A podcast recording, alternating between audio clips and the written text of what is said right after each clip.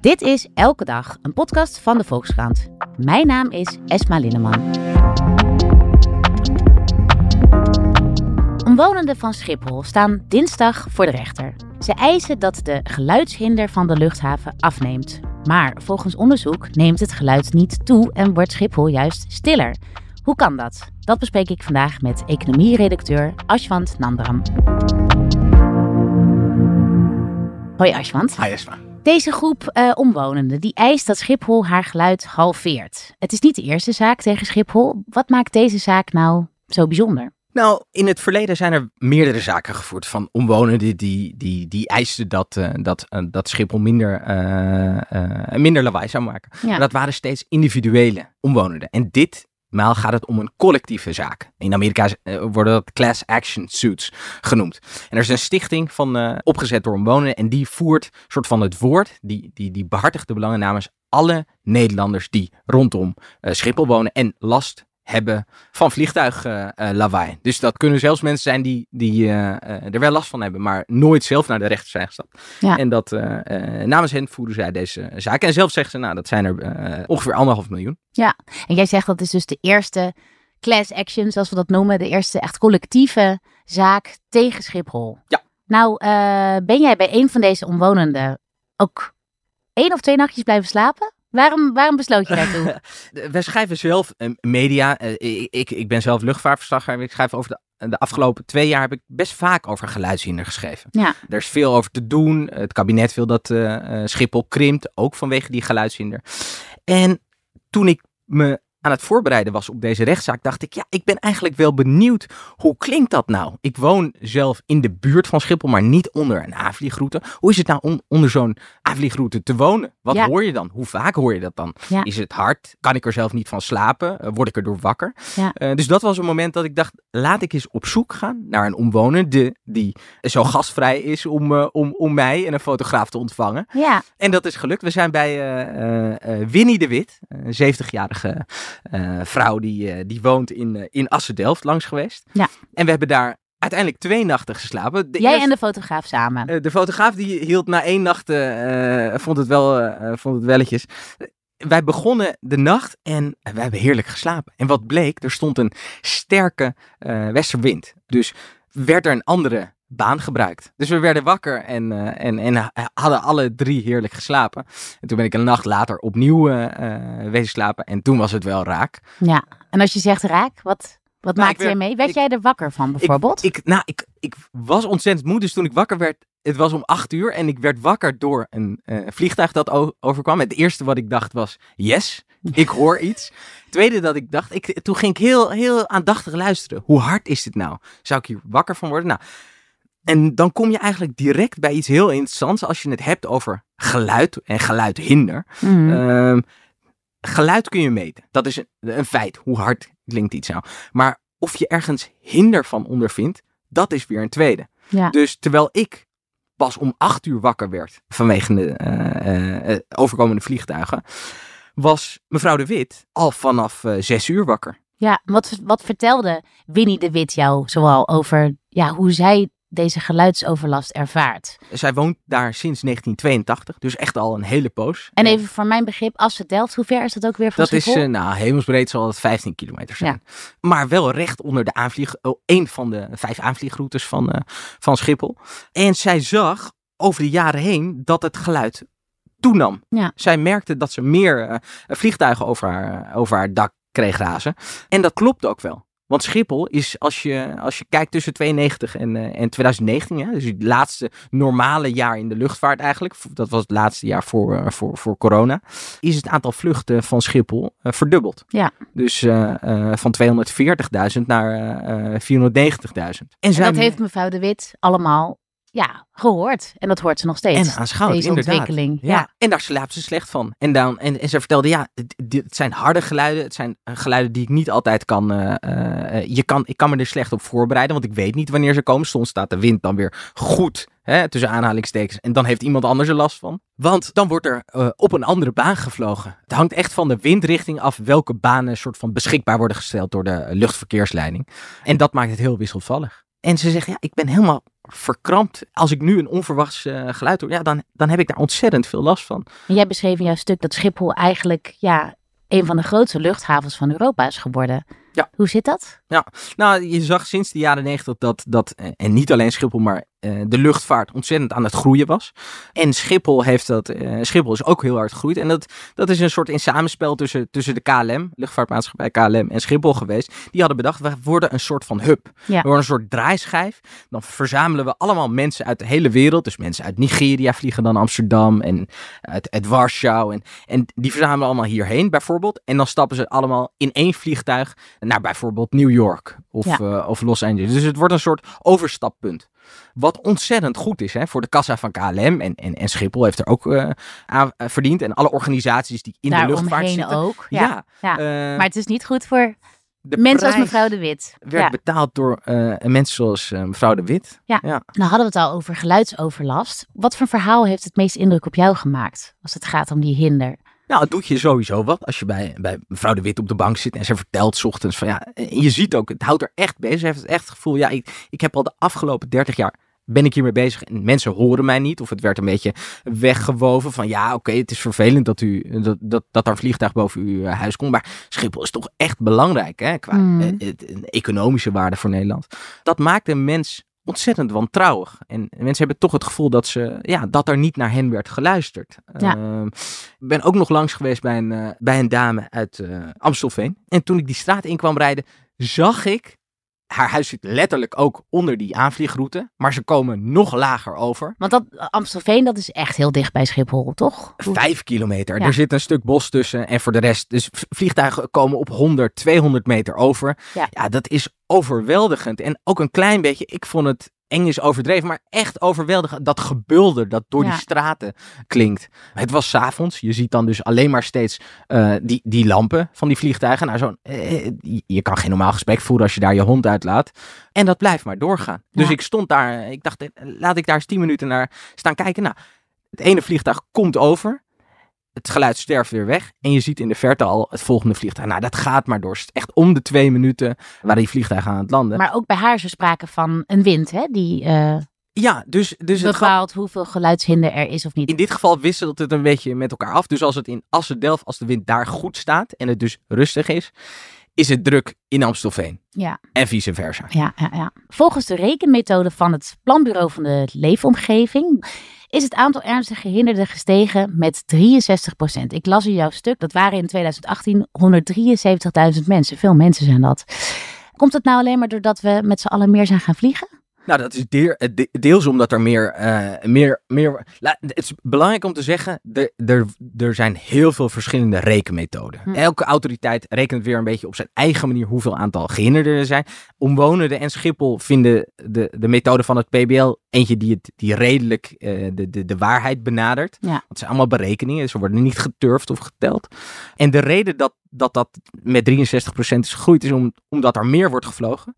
Maar ook omdat er meer mensen in de omgeving uh, van Schiphol zijn gaan wonen. Ja. Uh, Amsterdam, uh, Hoofddorp is natuurlijk hard. dus de bevolkingsdichtheid is ook gewoon toegenomen in diezelfde periode. Schiphol ligt echt heel dicht bij, bij Amsterdam. Ja, ja, en nou is die hinder dus volgens deze berekeningen toegenomen. Dat komt deels dus doordat er ook meer mensen in die omgeving zijn gaan wonen. Maar maakt Schiphol nou ook echt meer geluid? Dat is een van de vragen waar ik dit stuk mee begon. Van, ik wilde weten, oké, hoe ervaar je dat nou als je een nachtje logeert bij iemand onder zo'n uh, aanvliegroute? Wat, hoe is dat?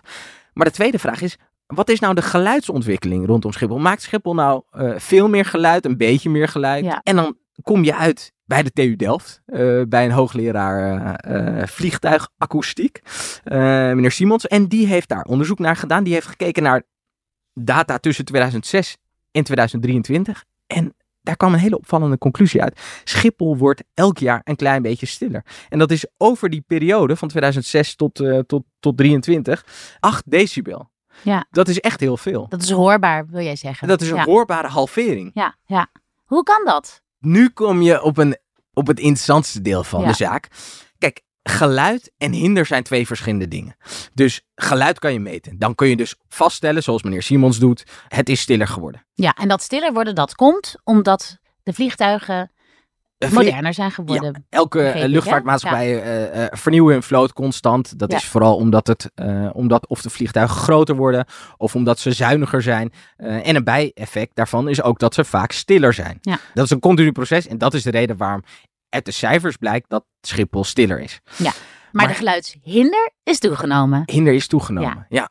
En als je dan meneer Simons vraagt van, hoe kan dat nou? Dan zegt hij dat is de manier hoe wij in Europa kijken naar geluid. Wij kijken naar gemiddelde. Dus gemiddeld genomen is het geluid afgenomen. Maar dat gemiddelde maskeert een heleboel. Dat maskeert bijvoorbeeld dat het aantal vluchten is toegenomen. En hij geeft ook goed aan, mensen hebben niet last van een gemiddelde. Mensen hebben last van een piek. Dus om het iets te versimpelen, er gaan nu vaker vliegtuigen boven je uh, hoofd langs.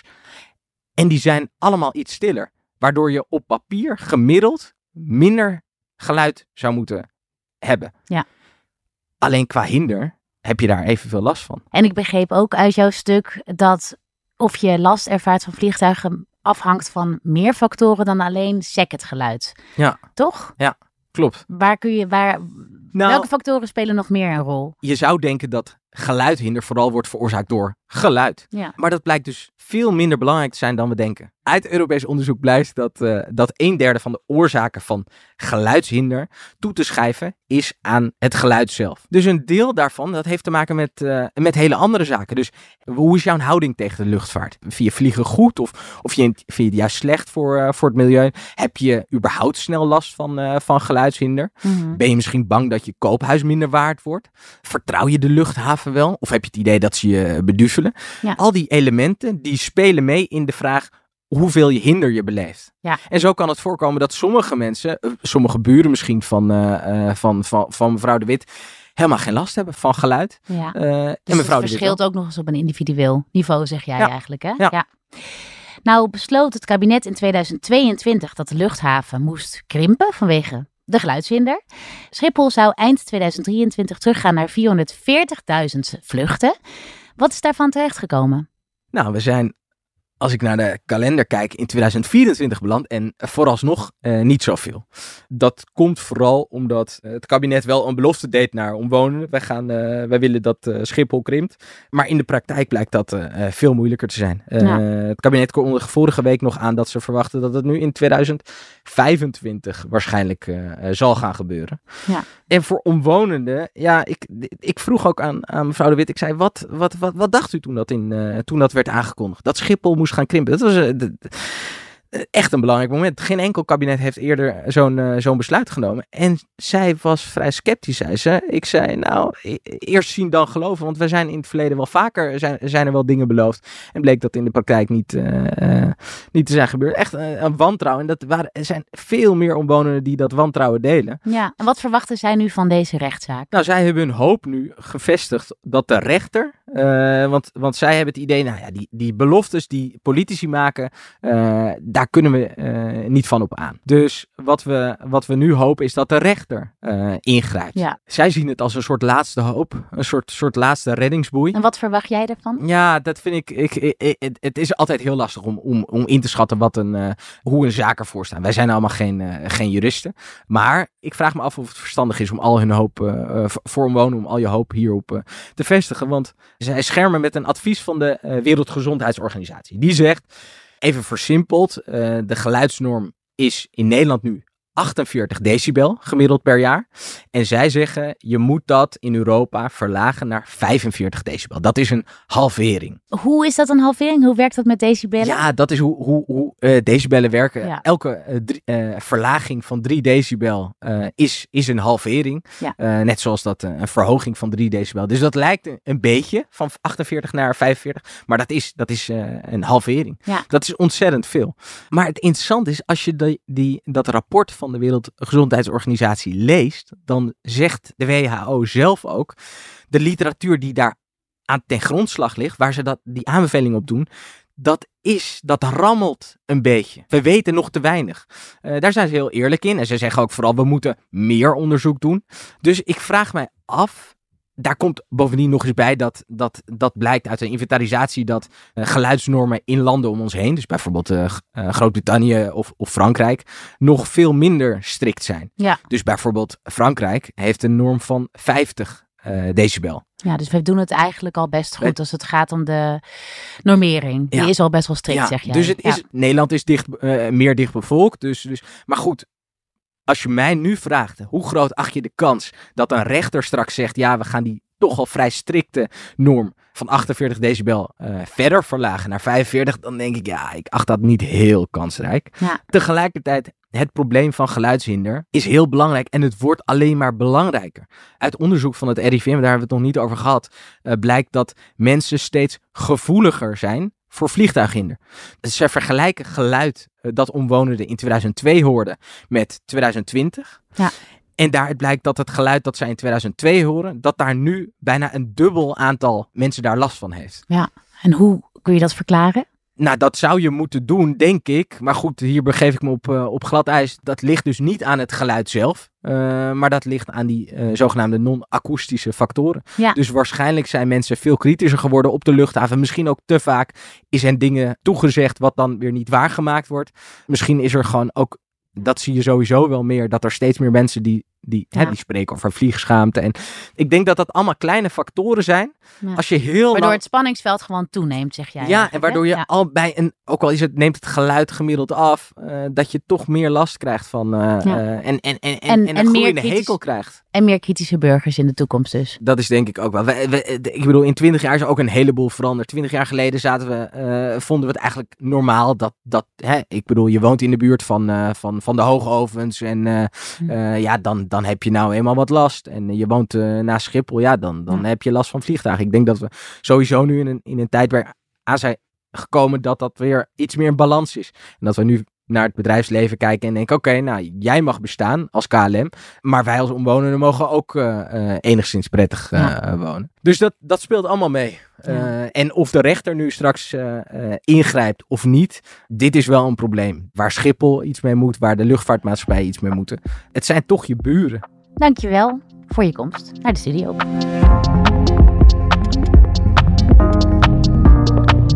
En u, luisteraar, hartelijk dank voor het luisteren naar de Volkskrant Elke Dag. Deze aflevering werd gemaakt door Julia van Alem, Rinky Bartels, Corine van Duin, Lotte Grimbergen en Jasper Veenstra. En wilt u de Volkskrant steunen? Dat kan door een abonnement te nemen via volkskrant.nl slash podcastactie. Want deze podcast is gratis, maar onze journalistiek is dat niet. Morgen zijn we er weer. Tot dan.